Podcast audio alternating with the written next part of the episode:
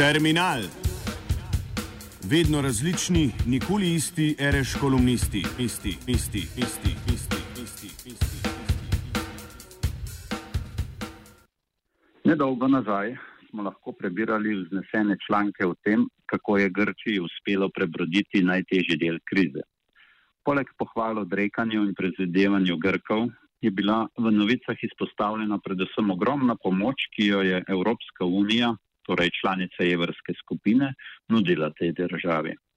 Pristop večine medijev, tudi naših, je bil predvsem v prikazu velikega žrtvovanja in pomoči s strani Evropske unije Grkom, ki so dolga leta živeli preko svojih zmožnosti.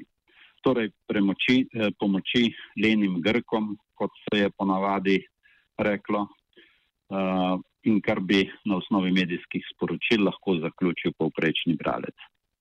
Seveda je zgodba z Grčijo in njenim dolgom precej bolj kompleksna, recimo kar drugačna. Pri tem bi na začetku vseeno povdaril, da s tem ne opravičujem in ne zagovarjam politike, ki jo je izvajala Grčija vse do nastopa krize.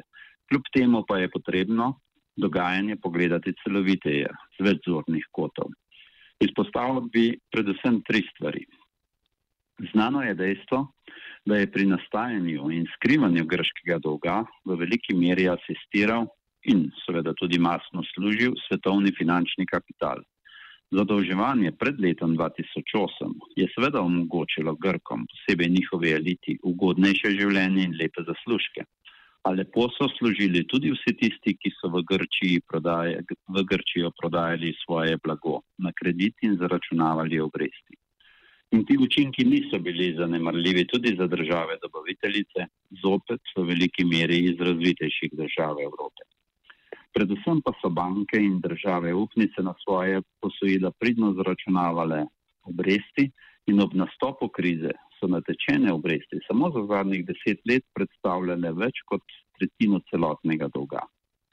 Glavnica dolga se v obdobju 2001 do 2009 praktično skoraj ni povečala, in večino porasta so predstavljale obresti, torej zaslužki upnikov. Ko so obraševani upniki del terjatev tudi odpisali, je bil ta odpis precej nižji, kot pa so znašile obresti zadnjih let. Dejansko so upniki dali samo nekakšen popust na svoje nekdanje zaslužke in nekih izgub na glavnici posojila niso imeli obravnavamo seveda dolg Grčije kot celote, ne posameznega upnika, kjer so nekateri tudi predvsej izgubili, drugi pa zaslužili. Pomoč Grčiji torej lahko pogledamo tudi iz tega vidika. Predvsem pa se je z reševanjem in pomočjo Grčiji v bistvu reševala in pomagala nemškim ter francoskim bankam. Leti so dolga leta brez ustreznega nadzora in z lepimi zaslužki financirale Grčijo. Ko pa se je pokazala dejansko višina posojil ter nevarnost, da Grčija ne bo sposobna vrniti teh dolgov, smo kot upniki vstopili članice Evropske skupine, odobrili nova posojila, s katerimi je Grčija potem predvsem poplačala prvotne upnice. Dejansko se je Grčiji samo zamenjal upnik, sicer bolj razumevajoč, omenjene banke pa so bile poplačene. V nasprotnem primeru bi morale oblikovati na posila kar precejšnje slabitve. Lahko torej zaključimo, da smo z vstopom v reševalni mehanizem za sanacijo grškega dolga tudi mi reševali predvsem banke iz Nemčije in Francije ter sanirali na nek način tudi njihov bančni sistem. Sicer malenkostno za njihove številke, a veliko za naše, Prispevek Grčiji se strani Slovenije je bil višji kot vložek v sanacijo Nove Ljubljanske banke, ki ga bomo na koncu izgleda dobili celo v celoti povrnjenega s prodajo banke. Druga je vprašanje sposobnosti Grčije, da svoj dolg vrne. V uradnem scenariju naj bi Grčija do leta 2060 z vrčevanjem in zdržno proračunsko politiko vrnila najete kredite. Obstajajo utemeljene ocene, da takšen scenarij preprosto ni realen, niti izvedljiv. Poglobljene raziskave namreč kažejo, da v zadnjih desetletjih nobena država ni bila sposobna ustvarjati tako visok primarni presežek proračuna in toliko časa, da bi lahko vrnila nakopičen dolg. Posebno glede na stanje grškega gospodarstva, do kakršne je državo pripeljala kriza in neustrezno reševanje preko predvsem zategovanja pasu. Predvsem, vseeno pa bi lahko pogledali situacijo tudi drugače. Odpis dolgov zaradi različnih razlogov za države upnice ni bil sprejemljiv. Nimajo pa večjih težav, če ta dolg vodi v svojih knjigah kot terjatev, ki bo enkrat čez 50, mogoče čez 100 let plačana po nekih minimalnih obrestnih merah. Najbrž bi bil sprejemljiv tudi 10 ali 20 letni moratorij na obresti ali neko začetno obdobje brez obresti. To bi bila dejansko pomoč, ki bi države upnice ne stala veliko in jih tudi ne prizadela. Na drugi strani pa predpostavimo, da bi v naslednjih 20 letih Grčija dosegala naprimer 3,5 odstotno nominalno letno rast družbenega produkta. Ob realno pričakovanje saj 1,5 odstotni inflaciji je tole skromnih in najbrž tudi dosegljivih 2 odstotka realne rasti BDP na leto. In kakšen bi bil rezultat ob teh, zanimivo, dokaj realnih predpostavkah? Že leta 2040 bi bil njihov BDP nominalno v evrih še enkrat višji kot je danes.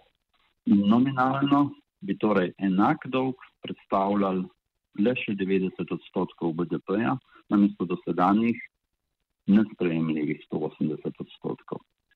Prišli bi torej do obsega dolga, ki je v za ob zaupanju v državo zaupnike čisto sprejemljiv. V takšnih razmerih države dolgove sicer ob zapadlosti vračajo, a praviloma samo z najemom novih, z izdajo novih obveznic.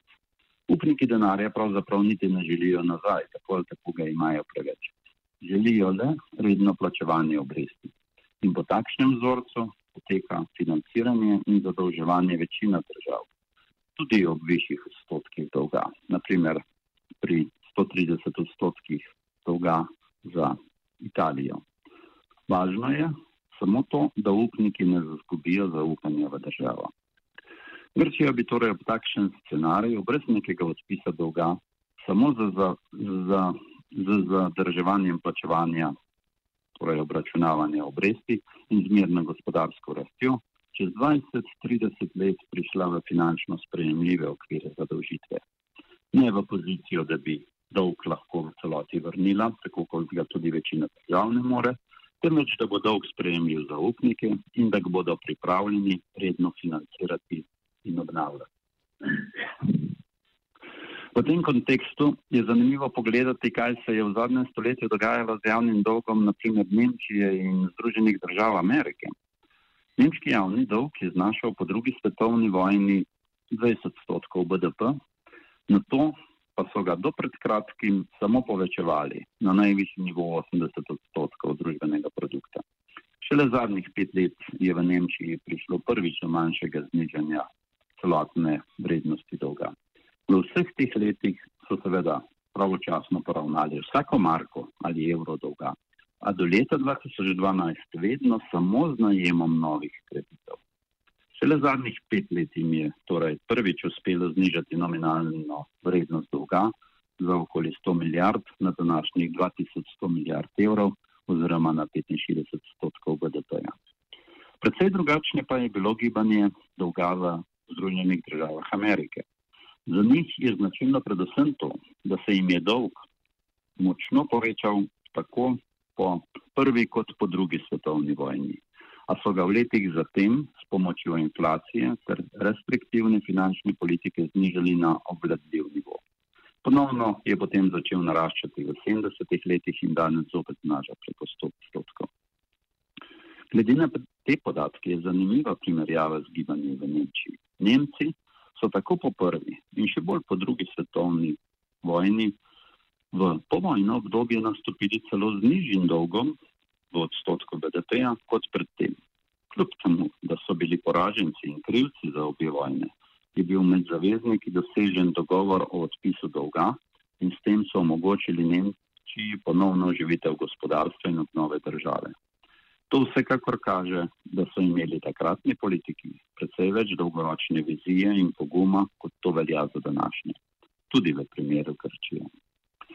Pa še tretji pomislek v zvezi z dolgom Grčije. Po objavljenih podatkih je skupna izpostavljenost Slovenije do Grčije relativno kar nekaj večja, kot pa je naša vloga oziroma delež v skupini držav z evrom. Zanimivo je, da se ob takšno dejstvo nihče posebej ne obregne, a mogoče gre kar za nekaj sto milijonov evrov odstopanja. Takšna ocena sicer ni popolnoma zanesljiva, ker gre za različne oblike izpostavljenosti, od neposrednega kredita, raznih poroštev ter sodelovanja v posebnem mehanizmu ESM. A sklepamo lahko, da je temu tako. Glede na to, da smo s tem našim vključevanjem in prispevkom reševali predvsem nemške in francoske banke, bi pričakoval kakšno bolj podrobno in točno informacijo ter pojasnila, zakaj je naš delež relativno višji Predvsem pa bi pričakoval, da bo ta naš vložek preverjalo računsko sodišče ter prišlo do jasnega odgovora, ali gre res za sorazmerno prevelik prispevek. Dopuščam, da temu ni tako. Če pa je, pa bi moralo ugotoviti, kaj je bil razlog temu in ali so možnosti za kakšne spremembe. Ker gre za čisti dodatni dolg države Slovenije do tujine, bi bilo takšno preverjanje vsekakor nujno. Za terminal bi ne kordež.